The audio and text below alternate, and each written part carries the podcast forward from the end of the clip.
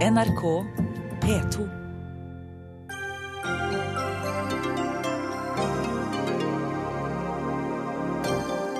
Formuesskatten må bestå, og det skal bli dyrere å eie bolig, foreslår skatteutvalget i dag. Et sterkt signal til regjeringen om å legge kutt i formuesskatten på is, sier Arbeiderpartiet. Det står ikke på vår meny, svarer finansministeren. Kvinner med døtre får mindre hjemmehjelp fra kommunen enn de med sønner. Regjeringen må ta aktive grep for å øke likestillingen, sier SV. Vi kan ikke vedta holdninger, svarer Høyre. Og justisministeren måtte i ettermiddag be Stortinget om unnskyldning for behandlingen av asylbarn. Hvorfor skal vi høre litt senere i sendinga.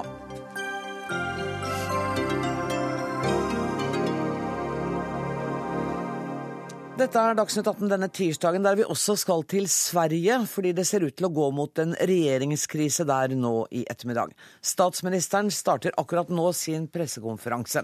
Men først til mer hjemlige forhold og til skatt. Formuesskatten bør bestå, og det bør bli dyrere å eie og å leie ut bolig. Det er bare noen av forslagene fra utvalget som har gjennomgått det norske skattesystemet. I dag kom de med sine anbefalinger der de også vil fjerne flere skattefradrag, bl.a. for boligsparing for ungdom og pendlerfradraget. Hans Henrik Scheel, administrerende direktør i Statistisk sentralbyrå, det er du som har ledet dette utvalget. Dere kommer med en lang rekke endringer. Du tok ikke med deg innstillingen din, den er på flere hundre sider, så vi kan ikke ta alle. Men hva vil du si er de viktigste grepene dere gjør? Ja, det viktigste vi gjør, er noe du ikke har nevnt, nemlig å senke skatten på selskaper. Nettopp. Og Det er utgangspunktet vårt for hele utredningen. Det er der vi starter, på sett og vis. Og Bakgrunnen for det er at uh, det, står, ja, det står i mandatet, men det andre er det at uh, vi har sett at det er en mer aggressiv skatteplanlegging blant uh, multinasjonale selskaper. Vi ser at det er skattekonkurranse mellom ulike land. Og land prøver å tiltrekke seg både inntekter og aktivitet. Samtidig så er det også sånn at land samarbeider nå etter hvert også mer om å komme altså skatteomgåelser, og det er både lovlig og ulovlig, til livs. Og Selskapsbeskatningen i Norge er litt høyere enn i sammenlignbare land, ikke sant? Skattesatsen er høyere, og så er grunnlaget er bredere. Det betyr at samlet skatt blir høyere i Norge enn i hva vi kaller sammenlignbare land. altså i hvert fall Hvis du ser på de nordiske landene, så er det slik. Så som en konsekvens av at dere har da fått mandat og også ville se på reduksjon av selskapsbeskatningen, så har dere gjort disse andre grepene? Ja, fordi at det vi eh, kommer til når vi skal eh, senke skatten på alminnelig inntekt for selskaper, så reiser også det spørsmålet hva skal vi gjøre med personer. Og Personer har også kapitalinntekter på samme måte som selskaper har det. Og vi har hatt en parallellitet i Norge siden 92 eh, hvor vi har samme skattesats på den typen inntekter. og Det er det vi kaller altså alminnelig inntekt. Og den er lik i selskaper og personer. Og Vi mener at det bør opprettholdes, og derfor så foreslår vi også å senke eh, skatt på alminnelig inntekt for privatpersoner. Til 20 i utgangspunktet, som er det samme som dere foreslår da for selskapsskatt. Ja. Men så gjør dere noen andre grep. Så må vi finne fordi penger til dette. Fordi at dette gir over 70 milliarder kroner i skattetap eh, bare på personene sånn. Eh, og Da foreslår vi å innføre en ny skatt på det som heter personinntekt hos personer. Og Det er inntekt av f.eks. lønn, pensjon og den typen ting. Og det er uten at man har gjort fradrag for eh, noe som helst. Eh, herunder også rentefradraget. Eh, og I sum så får vi da opp igjen skatten på personer, men ikke så høyt som vi i utgangspunktet var. Vi foreslår å ha noe lavere marginalskatter på personer enn det vi har. Så må vi finne ytterligere penger andre steder. Og Det gjør vi litt på selskapssektoren og litt mer hos personer. På selskaper så foreslår vi å begrense rentefradraget deres eh, utover det som er begrensninger allerede i dag. Vi foreslår en egen skatt eh, eller avgift på finanssektoren. Eh, og for personer så foreslår vi å fjerne også en del av disse fradragene som du nevnte. Mm. Og så går dere altså inn for skatt på bolig? Ja, Vi foreslår å gjøre endringer i formuesskatten. og Utgangspunktet vårt der er at vi har en formuesskatt i dag Eh, vi ser at det er behov for å ha fordelingspolitiske instrumenter, og vi mener at formuesskatten kan brukes til dette hvis den innrettes på en annen måte enn i dag. Så har vi tatt utgangspunkt i det som er skattenivået på formuesskatten i dag, og sagt at la oss nå holde det uendret. Eh, og i sånn sett ikke blande det bort i det første spørsmålet. Eh, hvordan kan vi forbedre formuesskatten? Og Det er viktig også å se på formuesskatten sammen med skatt på kapitalinntekter eh, og skattling av selskapet for øvrig, for dette henger litt sammen. Okay. Og Vi foreslår da innenfor formuesskatten å gjøre eh, verdsettingen likere. I dag er det slik at formuesskatten vrir sparingen til personer i retning av å spare i bolig, og bort fra å spare i aksjer og finanssparing, f.eks. bankinnskudd. Uh, og det er ganske, Dere vil vri det tilbake? Vi vrir tilbake slik at dette blir nøytralt mellom ulike typer spareformer. Må ha, du må ha tenkt eh, mens du arbeidet med dette, at uh, her blir det bråk om disse forslagene, må du ha tenkt? Ja, Eh, men vi har ikke vært så veldig opptatt av det. fordi Vi har vært opptatt av å gi faglige råd, det vi syns er gode faglige råd, og så har vi prøvd å holde oss unna politikken. Det betyr ikke at vi ikke vet sånn noenlunde hva ulike politiske partier kunne komme til å mene eh, om ulike ting, men jeg mener at vi burde i utgangspunktet ikke legge politiske begrensninger på oss.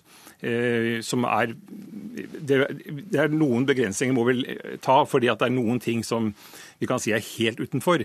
Men vi må innenfor i hvert fall eh, formuesskatten, hvis vi først skal ha en formuesskatt, eh, gi noenlunde gode faglige råd på hvordan vi mener den bør innrettes. Og Da mener vi at det at den er nøytral mellom ulike sparealternativer, er viktig. Tusen takk for at du kom til Dagsnytt 18, Hans Henrik Scheel. Inn i studio kommer nå flere mennesker, for rapporten ble altså overlevert eh, finansminister Siv Jensen i formiddag.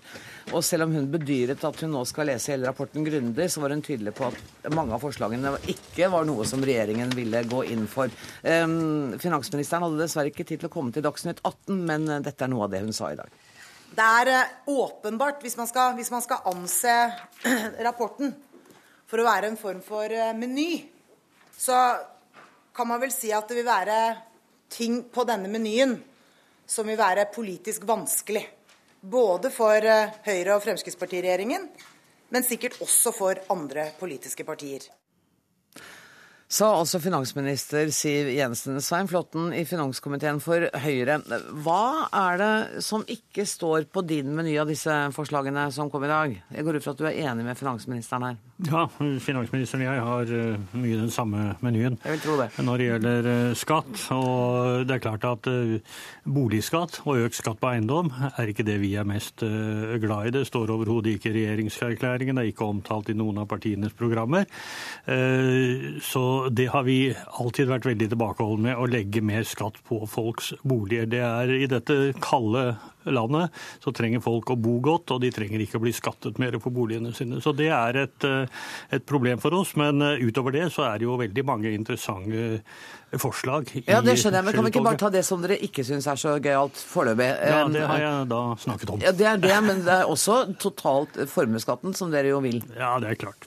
Det er klart at vi eh, Eh, vi sier jo i regjeringserklæringen at vi vil redusere formuesskatten, og foreslår Scheel-utvalget at de skal holde dem på det samme, men de ønsker jo da å endre innretningen nettopp inn mot en mye tyngre beskatning av bolig og eiendom. Og da blir jo det to grep som eh, vi kanskje ikke finner igjen på vår meny, nemlig økt skatt på bolig og eiendom, og at uh, formuesskatten blir stående med en annen innretning. Men så går jeg ut fra at dere er enig uh, med utvalgets forslag om å redusere selskapsskatten til 20% Vi er uh, glad for verdiskapingsperspektivet og det at du skal ha, få mer konkurransedyktig næringsbeskatning og selskapsbeskatning i Norge. Mm. Det vil jo faktisk, når og hvis det blir gjennomført, bli lavere enn i nabolandene Sverige og Danmark, hvor vi har har et par og 20. Mm. Så 20% er veldig konkurransedyktig. Og i tillegg så er jo dette forslaget slått sammen med en uh, Vi ga jo et tilleggsmandat om å kunne også gi lettelser i skatten, mm. og det har jo vært gjort. Så totalt sett vil jo det kunne bli bra. Men som sagt, det er noen stabbesteiner her også for oss. Men hvor vil dere finne inndekningen for den reduserte selskapsskatten da? Hvis dere ikke er villige til boligskatt, ikke er villige til å opprettholde formuesskatten? Det vil alltid være muligheter i de enkelte budsjetter, men vi er jo egentlig ikke kommet dit. altså Foreløpig skal jo dette ut på en høring, og det skal gjøres utredninger osv. Men eh, vi har jo vist det i de budsjettene som ligger bak oss allerede, at det er mulig å finne inndekninger og mulig å få til skattelettelser. Marianne Martinsen, du sitter i finanskomiteen for Arbeiderpartiet. Hva syns du om at finansministeren og Flåtten er så tydelige på at anbefalingen om å beholde formuesskatten ikke er aktuell? Altså, vårt utgangspunkt er jo, eh, er jo egentlig i likhet med, med Flåttens, vil jeg si, ikke å skjerpe beskatninga for folk flest.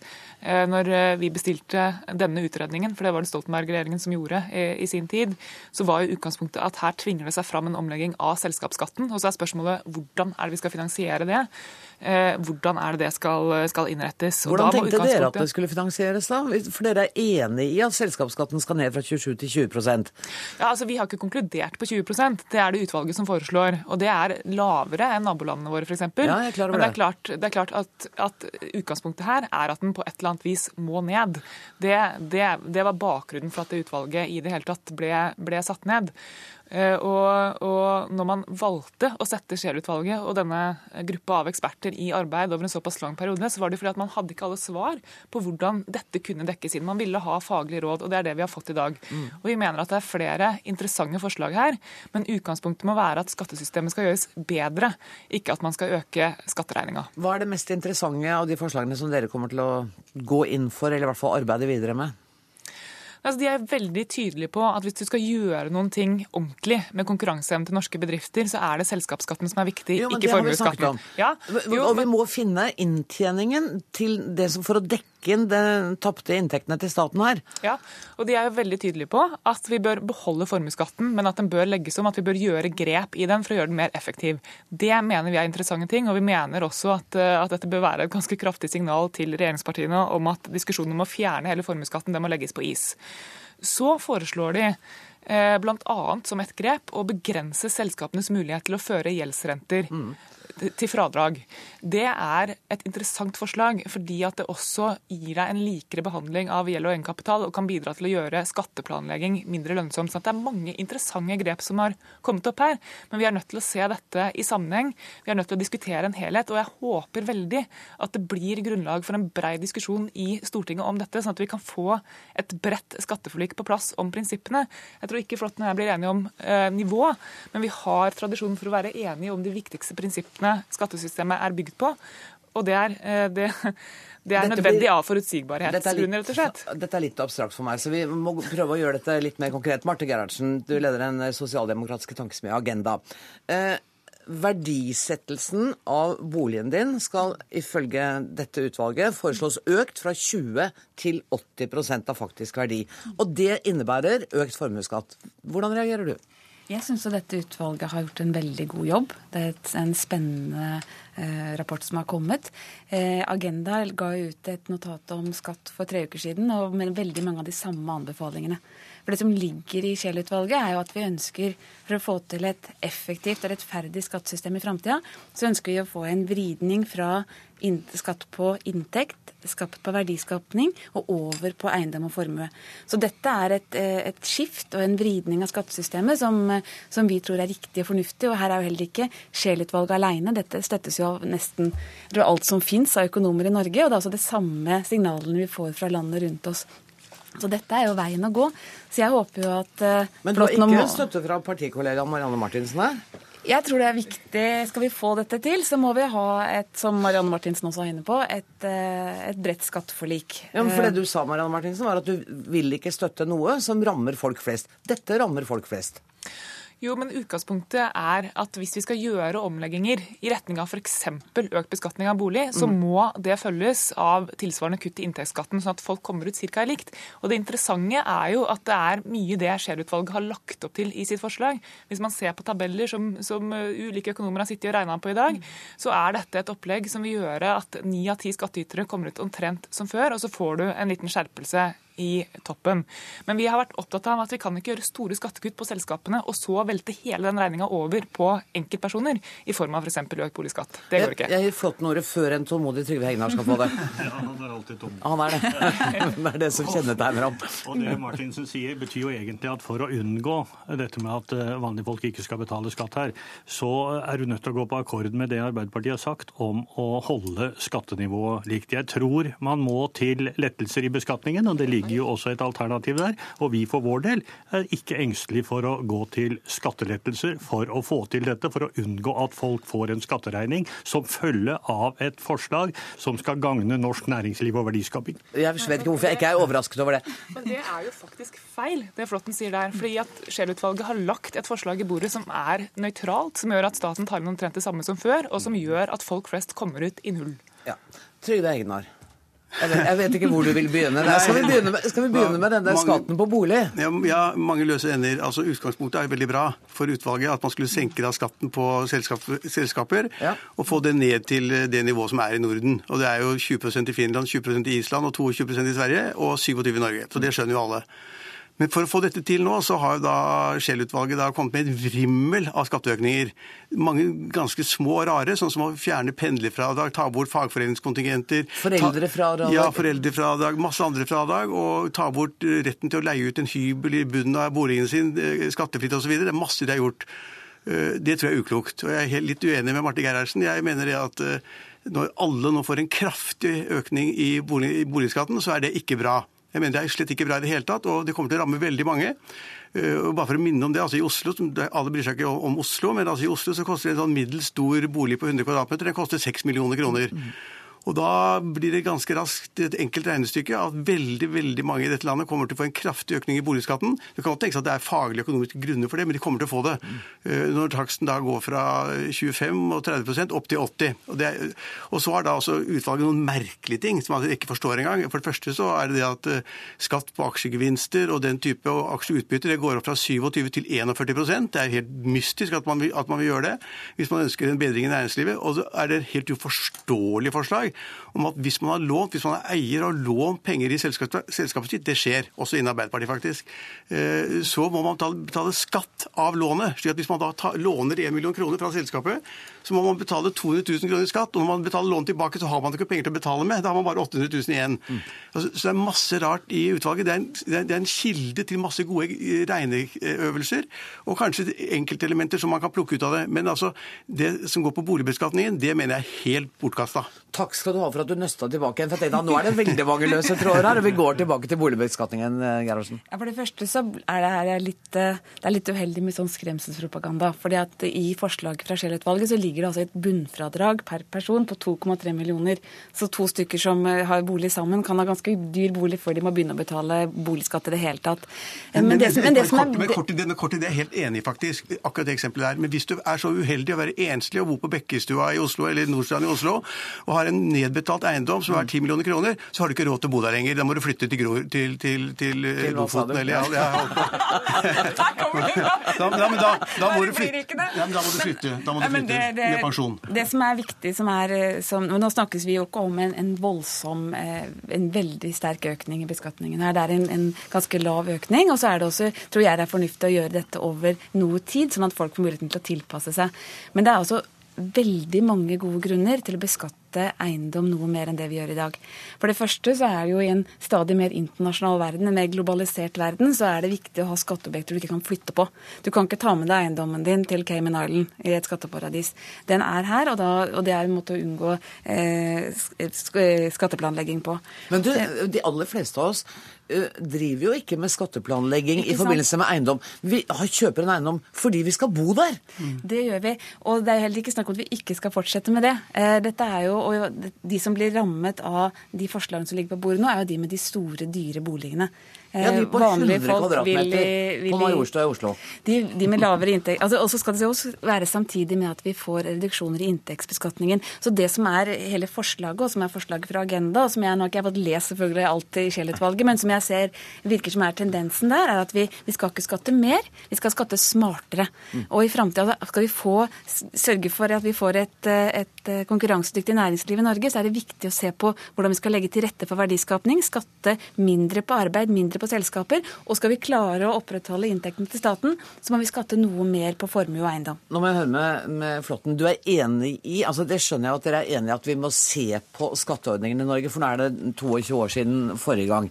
Men er du helt kategorisk på at det ikke er mulig å tenke i retning av det som Gerhardsen sier?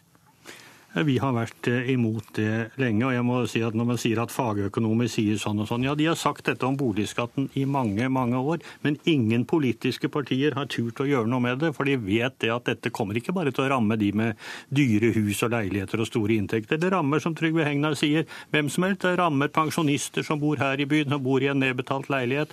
Kanskje til og med på minstepensjon. Og, er, og da vil du få disse skrekkeksemplene på folk som ikke kan betjene dette. Så jeg synes at uh, akkurat boligskatten eh, har vært en kilde til diskusjon veldig lenge. Fagøkonomene har ønsket dette. De klapper i hendene i dag, for nå, nå ser de at nå er det en vei inn i å få økt den beskatningen som de har vært på jakt etter lenge. Men altså, du sørger for at den applausen slutter?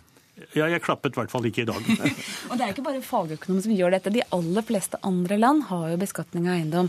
Eh, og i, vi ligger langt etter alle nabolandene våre her. Men i motsetning til de fleste andre land, så eier vi i Norge stort sett eiendommene våre alle sammen. I andre land så er ikke det så vanlig. Så det er jo noen nyanser jo, nei, her også. Jo, men det gjør jo det veldig mange andre land også. Kort liten ting. Det er en annen ja. ting som også kommer til å irritere folk, tror jeg, da, og plage folk. Og det er at man skal, skal også øke verdien av hytter da, til det dobbelte av hva det er i dag man skal gjøre enda vanskeligere å eie hytter. det er, det er jo en, altså Den eneste gode grunnen til at man er så opptatt av å beskatte bolig, er jo det enkle faktum at man kan ikke flytte dem til London. Og Det skjønner jo alle, men jeg syns ikke det er noe godt argument for å øke skatten på bolig. At man ikke kan flytte den til London. Det viktigste er at de fleste mennesker som programlederen var inne på, har bolig som en Der vil jeg bo, der vil jeg være. og Det er ikke en, er ikke en investering, det er ikke noen spekulasjon. Og det blir en, i motsetning til hva Gerhardsen sier, det blir en kraftig økning. Hvis, hvis altså takstgrunnlaget går opp fra 25% til 80 så vil det bli en kraftig økning for alle familier i Norge. Men eh, Heinar, hvor ville du finne inndekningen hen? Hvis du, du er jo enig i denne reduksjonen i selskapsskatten ned til 20 hvor, hvor, foreslår du at man finner Jeg tror den retningen er riktig, men jeg tror jeg aldri ville foreslått det er litt uenig med Sjel der, å senke den da fra 27 til 20 Det er altfor raskt, det er altfor mye på en gang. og Det krever altfor store endringer på andre skatteområder. Og Jeg ville ikke begynt å flå pendlere og folk som leier ut hybelen sin for å få til det. Så Det må gå, til en annen retning, og så må man også få en bedre beskatning da enn det de foreslår når det gjelder da utbytter og avkastning. Jeg har tenkt i de siste ti sekundene til Marianne Martinsen, for det har vært stille så lenge. Tusen hjertelig takk. Jeg er faktisk enig i det siste Hegnar sier. At, ja, det... at et faglig utvalg foreslår at vi skal ned til 20 betyr ikke at vi nødvendigvis skal det. Den satsen er vi nødt til å diskutere. Og så vil jeg si at uh, Hvis utgangspunktet skal være at vi alle sammen skal snakke uh, veldig mye om det som kan irritere og plage, og avskrive alle mulige inndekninger, så kommer vi ikke til å komme noen vei. Altså, da utviser vi ikke noen form for lederskap. Da blir vi aldri enige om noen ting som helst som kan gjøre at vi faktisk får til det vi alle er enige om, nemlig å gjøre det mer lønnsomt å investere i Norge eh, livsgrunnlaget til dette programmet er at vi snakker om ting som ergrer og irriterer oss. Tusen takk for at dere kom, Svein Flåtten, Marianne Martinsen, Trygve Hegnar og Marte Gerhardsen. Inn i studio kommer kollega Magnus Takvam, som er en politisk kommentator her i NRK. Um, de etterlyste, disse i panelet, en, en, bred debatt i Stortinget. Det kommer de vel til å få. Men hvor sannsynlig er det at vi får til en bred debatt, nei, en, en bred enighet mener jeg, om skattereformen? Det krever, som en her sa, politisk lederskap, selvfølgelig. For eh, skal du få et, eh, et, nytt skattesystem, så må du få enighet over blokkene. Høyre- og venstresiden må være enige eh, om det. Sånn som jeg har hørt politikerne uttale seg i dag, så er i hvert fall alle enige om behovet for dette med å senke selskapsskatten pga. konkurransen om investeringer til Norge osv. Og, så og sier man først A, så og gjør det, så utløser jo det eh, Det er en dominoeffekt der man også må eh, endre personskatten.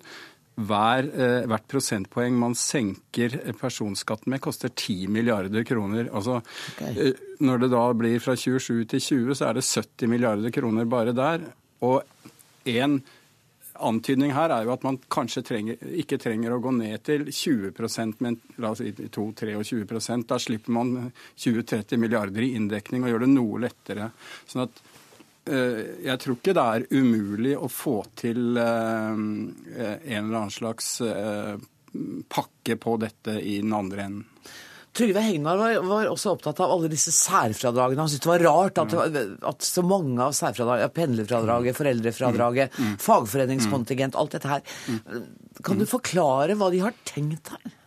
Altså, det er jo, som, eh, som Scheel har sagt på pressekonferansen, et forsøk på å legge om skattesystemet slik at man har bredere grunnlag, altså mer å beskatte, og dermed kan uh, få inntektene inn på den måten og kunne senke skatten på arbeid og kapital, som bidrar til verdiskaping.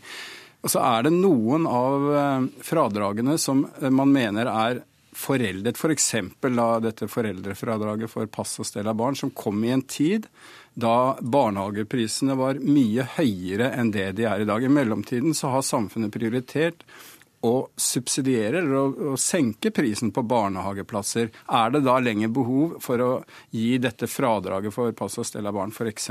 Så er det andre begrunnelser for andre fradrag som man må ta hver for seg. F.eks. pendlerfradraget. Det er jo surt for de som ikke har noe valg eh, når det gjelder å, reise til sin arbeidsplass, og, bli, bli straffet for det, f.eks. Men altså, Det er mulig at, jeg tenker litt for enkelt, men det virker som de gir med den ene hånden og tar, tar igjen med den andre. Sånn at vi vanlige folk i snitt vil komme ut omtrent likt, vil vi ikke det da? Jo, men dette er jo et, eh, en skatteendring som, som, man har sagt ikke er noe man har funnet på for, fordi man eh, absolutt vil det, men det er fordi eh, økonomien er internasjonal. Pengene går dit den er gunstigst når det gjelder investerings miljø på mange måter. og Dermed, dermed så er, det, er, man presset på en måte til å måtte foreta sånne endringer. Og dermed så, ja, som sagt, så får det da den effekten at det blir veldig dyrt, og man må se skattesystemet i helhet og finne en inndekning som, som gjør det både sosialt akseptabelt og, og, og skal vi si, samfunnsmessig forsvarlig. Så det er krevende greier. Det er krevende, men er det radikale forslag som er kommet til deg? Det er klart at eh, det spørs jo hvem du spør. Mm. Eh, men jeg vil si at eh, eh skal være forsiktig med å liksom være overdommer. Men eh, antydningene om eh, økt boligskatt var jo på forhånd mye mer vil jeg si, dramatiske enn det, det, det som er kommet nå. Mm. Fordi, som, som dere har vært inne på, så er det jo snakk om å gi bunnfradrag på 4,2 millioner kroner for når det gjelder verdifastsettelsen av boligen. Og har du et lån på 1 million, så er det først når du på en måte Altså 5 millioner eh, i, i verdi. Så ja, det vil nok i stor grad bli en byskatt på de som har relativt uh, romslige boliger i storbyene. De vil være de som blir mest rammet hvis dette skulle bli vedtatt. Vi må innrømme at dette er et forslag, da. Men jeg tror også, bare for å føye til det, at det sitter langt inne å, å, få til selv det, men det som kan være en sånn minimumsmodell, er at man som Høyre f.eks. er inne på, Frp, å skjerme det man kaller primærboligen. Ja. Altså den man har for å bo i, stort sett de fleste. Mens man da kan eventuelt beskatte bolig nummer to, tre osv., som ofte kan bli brukt til spekulative boliginvesteringer med tanke på utleie osv. Så, videre. så det, det, må, det vil være mulig å finne i hvert fall noen løsninger som forener dette, disse standpunktene. Magnus Haka, du skal få lov å gå ut av studio, men før du går, for jeg vet du følger eh, pressekonferansen i Sverige. Eh, jeg klarer ikke å få fulgt med. Har den begynt? Ja, altså Stefan Löfven, som er statsminister i Sverige, er jo i en kjempekrise nå fordi han ikke får flertall for budsjettet sitt. Det han sa nå nettopp, var at han i kveld vil forhandle med de tidligere alliansepartiene, altså de som var regjering eh, tidligere, om en eller annen løsning på dette, fordi Sverigedemokraterna har sagt at de vil mot all tidligere praksis i Riksdagen stemme for de borgerliges budsjett, og da får det flertall. Så det er en krise som man prøver å løse med å forhandle om, om budsjettet med de borgerlige partiene i, i kveld. Altså. Det kommer vi tilbake ja. til. Eh, vi skal bare snakke om en annen sak eh, så lenge. Hør Dagsnytt 18 når du vil. Radio NRK Radio.nrk.no.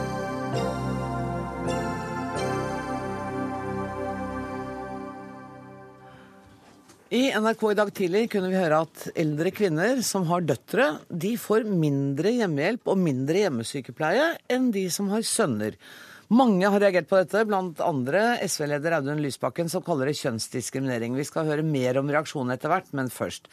Stipendiat ved forskningsinstituttet NOVA Universitetet i Oslo, Henning Øyen. Du er en av hjernene bak eh, denne undersøkelsen.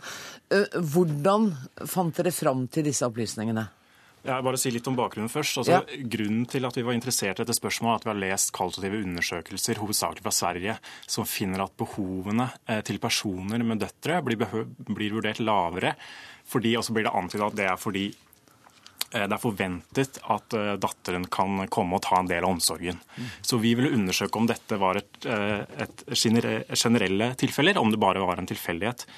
Så det vi gjorde, vi lagde en fiktiv beskrivelse av en person Eh, som hadde behov for eh, hjemmehjelp. Og Så sendte vi denne ut til et utvalg av landets eh, kommuner.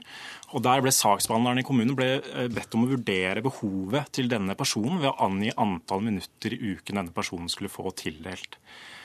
Og Det eneste, og det vi gjorde, var at vi holdt behovet konstant. Eller funksjonsnivået til personen konstant slik at personen har samme eh, alder, samme diagnose, samme behov for medisiner. Men det eneste vi varierte, var kjønnet på pasienten og kjønnet på pasientens barn. Og Når vi gjør dette, så kan vi tilskrive all eh, systematisk variasjon mellom de tilfellene til da kjønnene. Mm. ikke sant? Og det vi da finner, altså Hovedresultatet er at en kvinne eh, med en datter får i, i snitt to timer mindre i uken enn hvis hun hadde hatt en sønn, og dette er da 25% Men hun får også, også mindre enn en far som har en datter, og en far som har en sønn. Unnskyld meg, får hun mindre enn en far som har en datter? Ja, det gjør den også. Altså, hvorfor? hvorfor hva? Ja. Vår, vår, hovedhypotese er at vi vet fra representative spørreundersøkelser at en datter i snitt gir mer uformell omsorg til sin mor enn det en datter gir til sin far, og enn det enn det sønner gir til sine foreldre. Så vi tenker det at det at en mor har en datter, er et tegn på at, den, at, det er bedre tilgang på uformell omsorg. Så Derfor kan man da gi mindre formell omsorg i det tilfellet. Og så må man jo også, også huske på at det er hovedsakelig altså over 70% av de som mottar hjemmetjenester i Norge, som er over 80 år, som er det her vi undersøker, er jo kvinner. Det er flest kvinner som trenger formelle omsorgstjenester. Men fordi de lever lenger enn menn, så menn blir jo tatt vare på av sin kone, og så blir eh, dama tatt vare på av sin datter, virker det som. Men du er litt interessert i det utvalget av kommuner. Har dere blandet store og små bynære distriktskommuner? Ja, altså vi har, vi har, fått svar fra 262 eh, kommuner, så litt eh, over halvparten. Eh, så det er en god blanding. Og så har vi også undersøkt om de kommunene som vi har fått, fått med, er representative for kommunene. Og det virker som det er. De er ganske like med de som ikke er med. Det eneste forskjellen er størrelsen, og det er fordi vi har med de tre største byene. Ja, Men på andre kjennetegn så er de veldig like. Skiller de tre største byene seg ut? Nei, det virker ikke sånn. De gjør ikke det. Audun Lysbakken, du har sagt at du syns dette er eh, diskriminerende. Men unnskyld meg, helt, nytt er, helt ny er denne problemstillingen ikke? Nei, men altså, Den er ca. 40 år gammel. Ja, men det er jo grov diskriminering ikke sant? av eldre pleietrengende mennesker og av døtrene deres. Og den si, første reaksjonen tror jeg til mange når de uh, så disse forskningsresultatene, det var til meg òg, å bli sjokkert. Men så tenkte jeg nettopp det som uh, programlederen tenker, at det her er jo egentlig ikke så rart. For det reflekterer jo mangelen på likestilling i vårt samfunn der det er sånn at det er en forventning om at kvinner skal gjøre mye mer hjemme, eh, også da stelle for sine gamle foreldre, mye mer enn det menn gjør. Men det er jo en skandale hvis velferdsstaten vår er bygget på en sånn idé. Eh, og det bør være et alvorlig tankekors for alle som tror at vi er i mål med likestillingen i Norge. Men hva skal vi gjøre med det, da? Jeg mener at dette er et politisk ansvar. Eh, og vi må gjøre noe både ute i kommunene, der det må bli en helt annen bevissthet rundt dette. Vi trenger mye mer ressurser til å kartlegge, gjøre den typen undersøkelser som har vært der, for det er utrolig verdifullt. For det avslører en uakseptabel praksis. Og så mener jeg at regjeringen har et ansvar. Og Derfor så kommer SV til å legge inn et forslag i Stortinget på mandag. Da skal vi behandle Helsedepartementet sitt budsjett. Eh, og vi krever å få eh, et et eh, nasjonalt tilsyn med kommunene for å få avslørt hva de nå gjør for å hindre diskriminering. Opprettet et nytt, en ny tilsynsordning, eller vil det ligge Nei, under Helsetilsynet? Under Helsetilsynet. Under Helsetilsynet. Helsetilsynet, Helsetilsynet har en mengde årlige tilsyn. Eh, Stortinget får være med på å prioritere hva det skal være, og vi sier at dette bør være et av de tilsynene. Julie Brodtkorp, jeg skal uh, frata deg muligheten for å gi et billig argument og si at dette kunne han gjort noe med da han sjøl satt i regjering, så vi er, vi er liksom ferdig der. Der er vi ikke lenger. Vi er ikke der lenger da. Uh, men er du enig i det, at tilsynsmyndigheter kunne ha gjort noe med dette her? Altså, jeg, jeg, er vel som deg. Jeg ble ikke sjokkert når jeg hørte det. Jeg var litt mer sånn ja, selvfølgelig er det sånn. Ikke sant? Altså, ikke selvfølgelig er det sånn at de får mer, mindre tjenester, men selvfølgelig er det sånn at kvinner gjør mer. Fordi likestillingen har ikke kommet lenger enn det. Eh, og så eh, er det jo sånn at man blir litt sjokkert når man ser da at de som saksbehandler hvor mange timer du får, faktisk er så preget av de gamle holdningene. Så jeg ble litt sånn jøss. Eh, hva kan gjøre at disse saksbehandlerne virker til å leve i 1950 eh, og ikke i, i 2014? Og hva kan vi så gjøre med det? Jeg skulle ønske at det var så enkelt at vi kunne vedta oss til holdninger, men det kan vi ikke. Men vi så kan vedta tror, at tilsynsordninger skal ja, fungere. Men at Statens helsetilsyn de har ansvar for å ha tilsyn med hvordan tjenestene fungerer. Ja. Men hvordan eh, praktisk sett Statens helsetilsyn skal gå inn og regulere holdningene, for det er det som er problemet her, til de som behandler disse søknadene, eh, det stiller jeg spørsmålstegn ved. Men hvor tålmodig er du? Holdningsendringer tar jo år. Ja, men jeg tror derimot at alle kommunepolitikere i dag når de har hørt denne nyheten, stiller seg spørsmålet hvordan er det i min kommune? Og Det spørsmålet bør de også stille seg. Og så kan de se inn hvordan fungerer dette i vår kommune. Jeg tror ikke at vi her trenger verken et nytt statlig tilsyn eller bruke Statens helsetilsyn for å sjekke opp holdningene til disse saksbehandlerne. Men, men det her er typisk denne regjeringen. for Hver gang det kommer en likestillingsproblemstilling, så sier de vi håper dette går over, og så gjør de ingenting. Uh, og Det er helt gjennomgående. Og Jeg skulle egentlig ønske at uh, Julie Brodtkorp hadde dratt det billige poenget i sted. fordi det var da jeg skulle si vi gjorde faktisk noe med dette. Eh, fordi vår regjering satte bl.a. i gang et prosjekt som het Likestilte kommuner, som handlet om å gi penger til eh, kommunene, sånn at de kunne undersøke omfanget av diskriminering i sine kommuner og gjøre noe med det. Da fikk f.eks. Kristiansand kommune penger avslørte at det er sånn i Kristiansand, var i hvert fall det på det tidspunktet, at menn fikk mer pleie, mer rehabilitering, mer korttidsopphold på sykehjem enn kvinner, selv om de var like syke. Hva skjedde når, når den nye regjeringen kom? Jo, midt i prosjektperioden så avskaffet dere hele finansieringen til prosjektet Likestilte kommuner. I år så kuttes det i lokale og regionale likestillingsmidler. Og dette er viktig, fordi du endrer ikke holdninger uten politikk. Du må legge press på kommunene. Og regjeringens svar her, som i hele resten av likestillingspolitikken er, håper det blir annerledes en gang. Vi gjør ingenting. Men, men som sagt, dette har vært sånn i mange, mange år. Ja. ja. Det må jeg få lov å svare på. Altså, Det er en stor forskjell på deg og meg i likestillingspolitikken. For du mener at ved at vi kan regulere holdninger, og svare til SV helt spontant på alle problemer vi har i samfunnet. Det er mer regulering og mer byråkrati. Vi har ikke bare tatt vekk det dere gjorde der. Vi har eksempelvis nå sitter vi og jobber med en likestillingsmelding hvor kvinnehelse og menns helse og det å så inn i hvordan det fungerer, er en viktig del. Dere hadde ikke det engang med i deres likestillingsmelding. Det er veldig pussig å ha politikere i studio, for det jeg trodde vi nå skulle snakke om manglende hjemmehjelp og støtte til kvinner som har døtre. Eh, og dere er over i noe som er tilliggende, men ikke, nær, ikke helt likt. Jo, det er det er ikke helt likt. Jo, fordi det det handler om, det er at du har strukturer i det norske samfunnet som diskriminerer kvinner. Som, og som i dette tilfellet diskriminerer eldre med døtre. Mm. Så er spørsmålet hva gjør vi med det? Jo, da må vi skape holdningsendring. Og da kan vi enten sitte og håpe på at den holdningsendringen kommer, eller så kan vi sette inn politiske tiltak. Et tilsyn vil være effektivt, fordi det er en måte for regjeringen å si til kommunene dette aksepterer vi ikke. Vi forventer at dere kartlegger dette, vi forventer at dere gjør noe med det. Tusen takk for at dere kom. Jeg må hive dere ut av studio, for vi skal til Sverige. Henning Øyen, Audun Lysbakken og Julie Bråttkorp.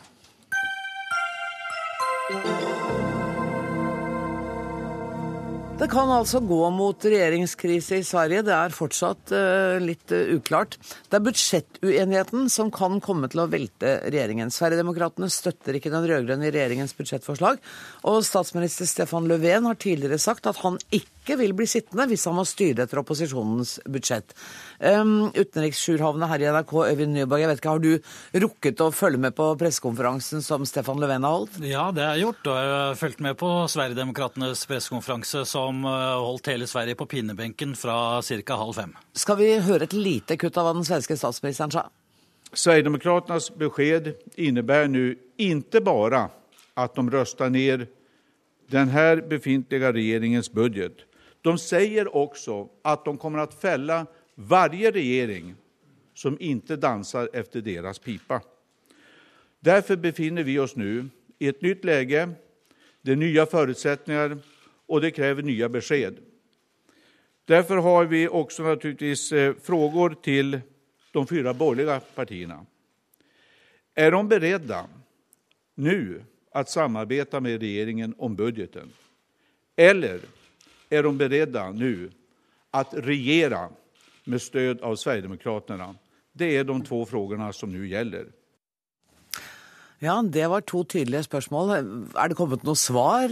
Nei, han kaller inn eh, partilederne for eh, de fire borgerlige partiene i alliansen, som er Folkepartiet, Senteren, Kristdemokratene og, og Moderaterne, eh, til samtaler allerede i kveld. For det er vel ikke noe tvil om at Sverige er inne i en ganske alvorlig politisk krise, noe Löfven selv understreket på denne pressekonferansen, hvor han også sa at Sverigedemokratene de opptrer eksepsjonelt ansvarsløs. Eh, og de opptrer eh, som om Riksdagen var sin egen lekestue, eh, uten at de selv behøver å ta ansvar for noe som helst. Politisk kommentator her i NRK, Magnus Takvam, du har også fulgt litt med på dette her. Men denne regjeringen har altså sittet i snaue to, to måneder i morgen, er det ikke det?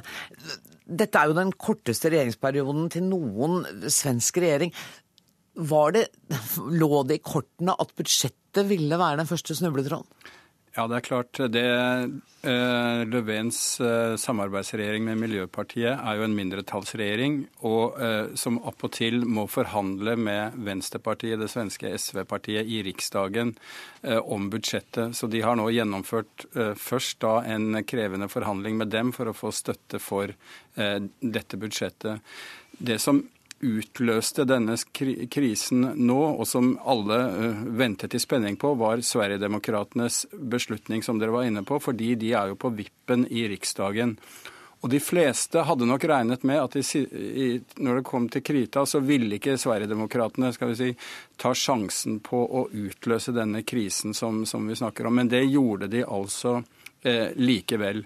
Eh, og det stiller alle partiene så å si i en veldig krevende situasjon. Det Stefan Löfven eh, åpenbart forsøker å få til nå, er en forhandling med de eh, borgerlige partiene som satt i regjering før, alliansepartiene, om en blokkoverskridende enighet om en, et nytt budsjett.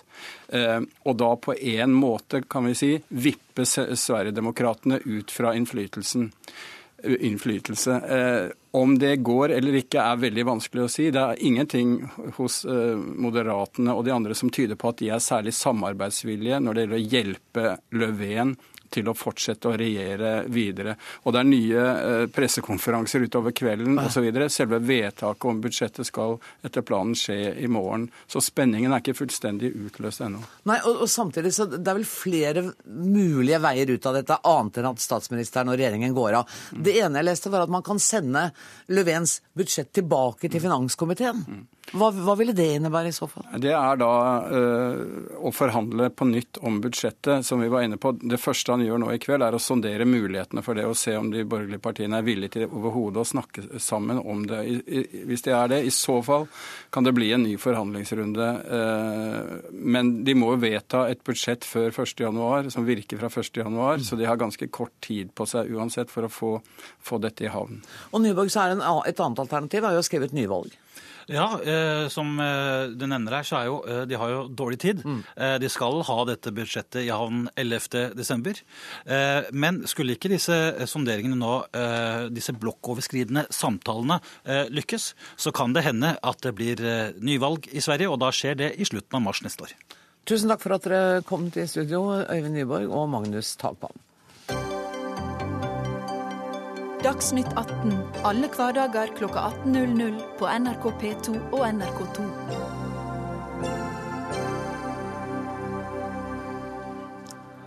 Snart skal du kunne kjøpe alkohol på nyttårsaften, påskeaften, pinseaften, ja til og med på valgdagen skal du kunne ta turen innom polet før du går og stemmer. Det har Stortinget vedtatt i dag. Regjeringen fikk derimot ikke flertall for forslaget om å holde polet åpent også på julaften. Kjersti Toppe, nestleder i helse- og omsorgskomiteen for Senterpartiet. Um, ikke overraskende så stemte du imot regjeringens eh, forslag. Hva er, det, hva er det som er så vanskelig med dette for deg?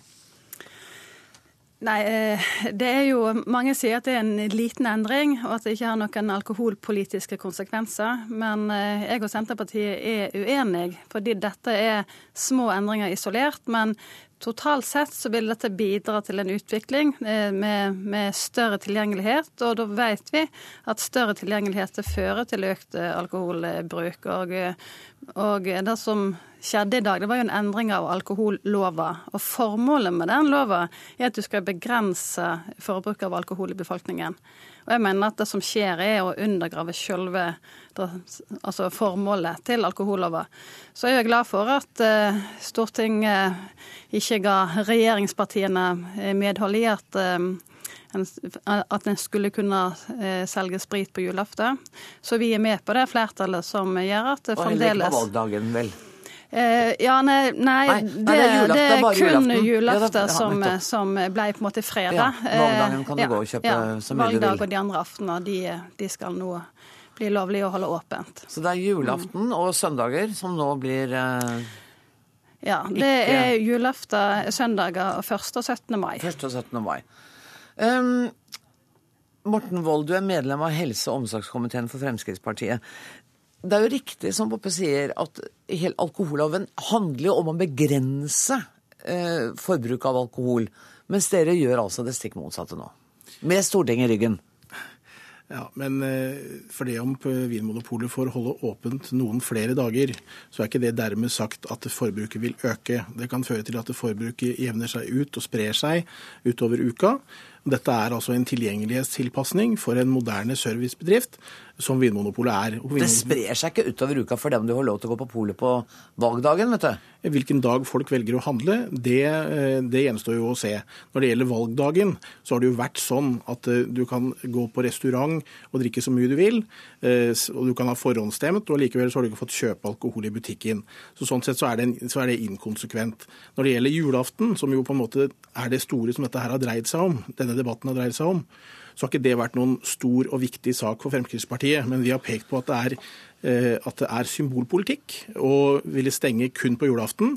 Vi er opptatt av å fremme holdningsskapende eh, arbeid 365 dager i året, ikke bare én dag i året. Men 17. mai, hvordan ser dere på det? At dere ble nedstemt der? Nei, Det er også helt uproblematisk. Men det er også en dag hvor folk kan gå i byen og drikke så mye de ønsker. For meg er det litt rart at, er, at du kan gå på polet valgdagen og ikke 17. mai. Valgdagen skal jeg liksom avgi en stemme. 17. mai skal jeg bare feire. Jo da, men som jeg sa, 17. valgdagen så kan du jo ha forhåndsstemt. Men 17, altså hvis vi snakker om Barnas dag, som jo har vært et argument for å forby uh, at polet skal ha åpent på julaften, så er jo i hvert fall 17. mai Barnas dag. Mm. Så sånn sett så har ikke det heller vært noen stor kampsak. Egentlig så har det ikke vært noen store kamper rundt dette her. Men det har vært en, en symbolsak med julaften, og vi har vært uenige om hvordan vi skal løse det. Vi har stemt for én ting, og Kjersti Toppe og de andre for noe annet. Men nå hører du Kjersti Toppe, at Morten Wold sier at de, de vil jobbe med alkoholforebyggende tiltak hele året. Mm. Ja, det er jo veldig positivt. Jeg opplever jo at de vil jobbe med alt eh, unntatt det som virker. Eh, og tilgjengelighetsbegrensende tiltak er jo noe som vi vet virker, som eh, vi har gjort i mange år. Det er jo en grunn for at Norge har mindre alkoholforbruk enn eh, mange andre land vi kan sammenligne oss med, fordi at vi har hatt en relativt streng alkoholpolitikk. Og da er tilgjengelighetsbegrensende tiltak at vi regulerer åpningstider. Det har vært ett tiltak som har, som har virka.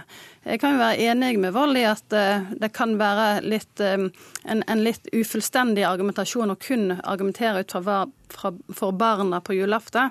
Eh, og Det er jo derfor Senterpartiet har gått imot alle aftenene. For det at eh, alle aftener er er perioder der, en, der vi vet det blir drukket mye alkohol. Og regjeringen skriver sjøl i høringssaker si at disse, disse periodene, disse høytidene, da er behovet for beskyttelse stort, og særlig òg tredjeperson og barn. Mm. Og når Stortinget da verner julaften, så er det veldig bra. Men jeg sier at de 200 000 unger som en vet, eller regner med kvir seg til jul pga. Foreldrene sitt alkoholbruk, de forsvinner jo ikke på ei uke. De er jo der til nyttår. Mm. Så, så, så, vi mener jo at alle, alle disse aftene kunne vi hatt eh, Vinmonopolet stengt. Eh, fordi det, dette handler jo ikke om, om, om publikums ja, endringer som publikum skal få det mer bekvemmelig. Dette handler jo eh, om en skal ha en solidaritet enn en, en forebyggende politikk. Det handler om helsepolitikk. Mm. Og det er noe annet enn symbolpolitikk, mens du Vold, mener at dette er symbolpolitikk og ikke har noe med det store bildet å gjøre? Ja, vi mener det. Og det viser seg jo også at alkoholforbruket i Norge det går faktisk ned. Tall fra SSB viser at det har gått ned siden 2008, selv om tilgjengeligheten har økt. Så Sånn sett så syns jeg Toppes argumentasjon faller litt på steingrunn akkurat på det området. Men hvis vi skal følge den konsekvensrekka, da? Døgnåpne pol? Nei, det er overhodet ingen som er for. Den norske alkoholpolitikken ligger fast. Men så vil jeg gjerne tilføye at det dette fører til når polet holder stengt på julaften, er at mange vil hamstre og dermed ha store lager med alkohol gjennom jula. Og de som vil misbruke alkohol da, kan gjøre det. Tusen takk for at dere kom til Dagsnytt 18, Kjersti Toppe og Morten Wold.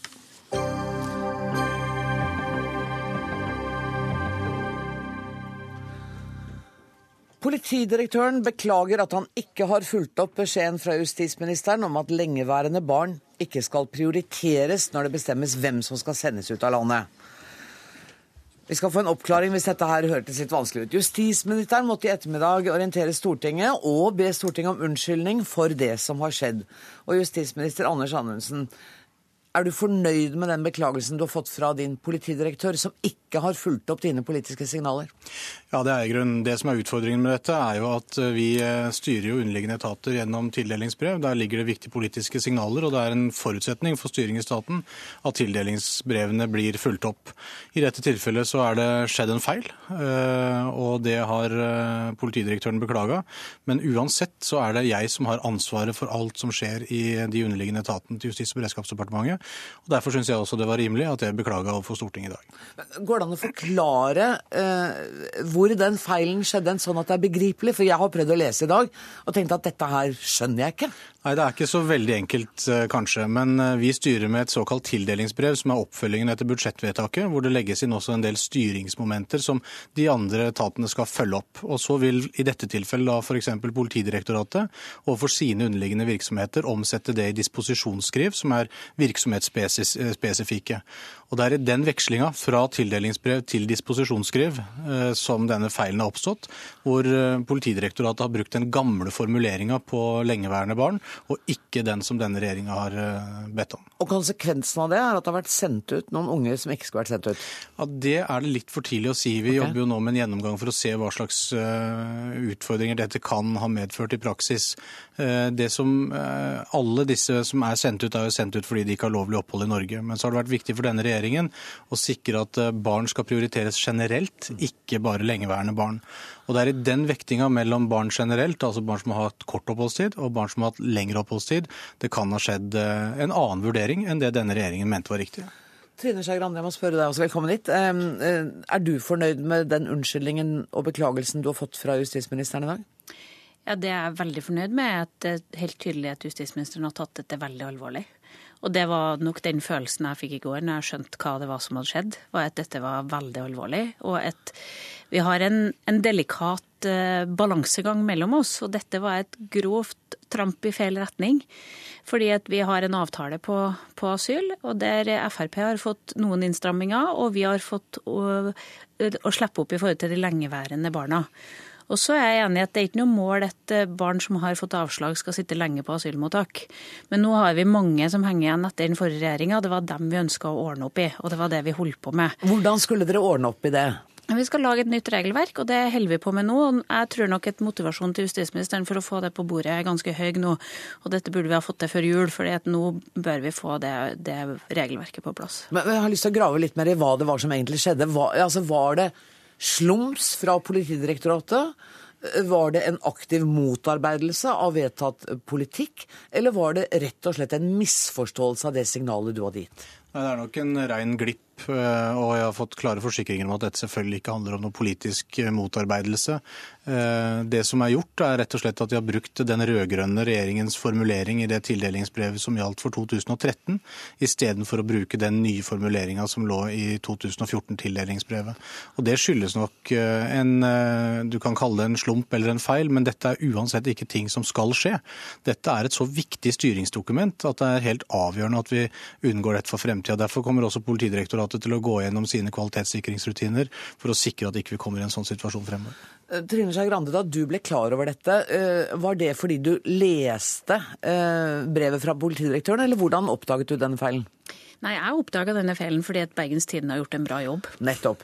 Og er det sendt ut unger som ikke skulle vært sendt ut? Ja, Det tror jeg ikke vi vet noe om. Men, men grunnen til at vi hadde en god runde om dette i oktober, og grunnen til at både statsråden og statsministeren skrev og sa at dette var gjort i tildelingsbrevet, var jo nettopp at vi begynte å få noen signaler fra vår organisasjon der folk stussa over at unger som hadde vært veldig lenge, plutselig ble sendt ut med stor hast.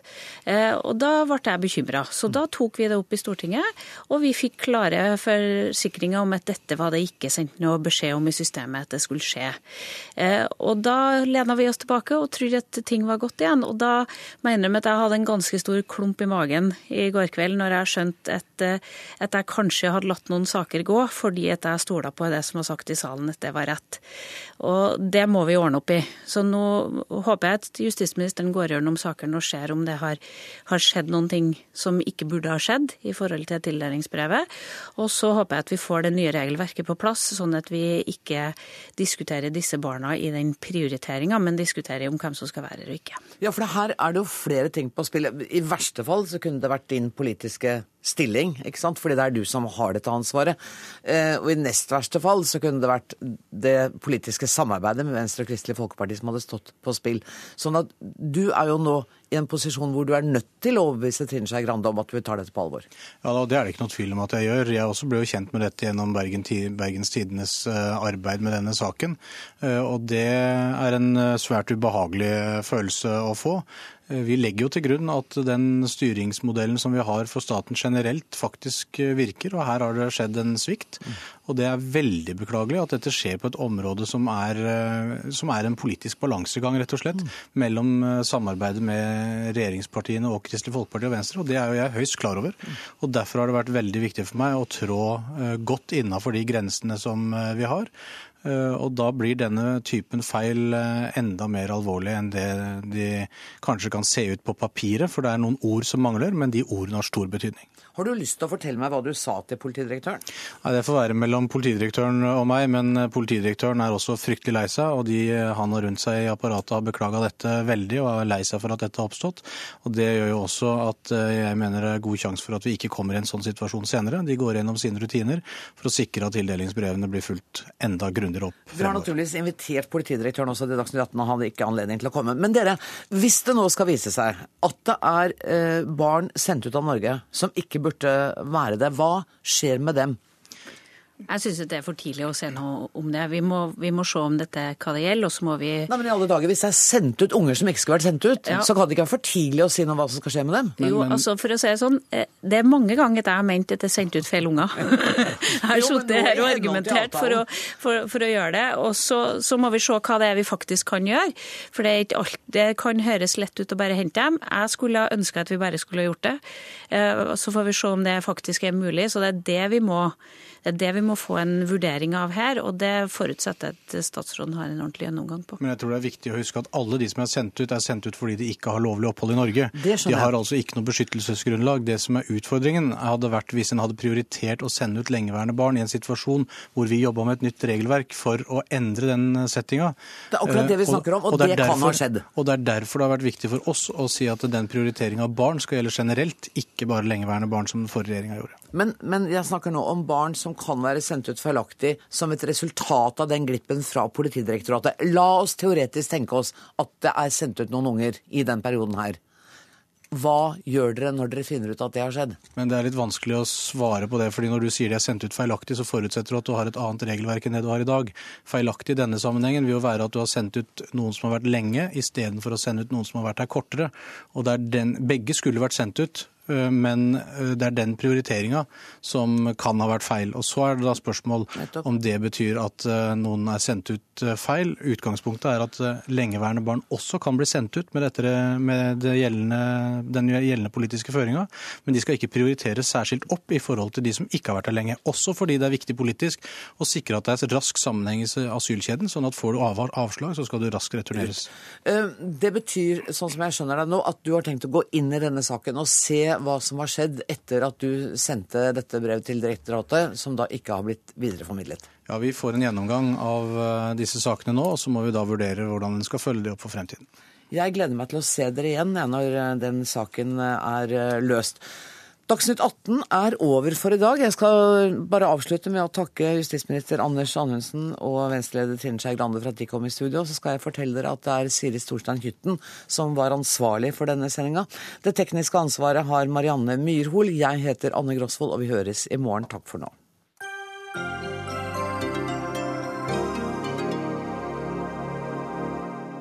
Hør flere podkaster på nrk.no podkast.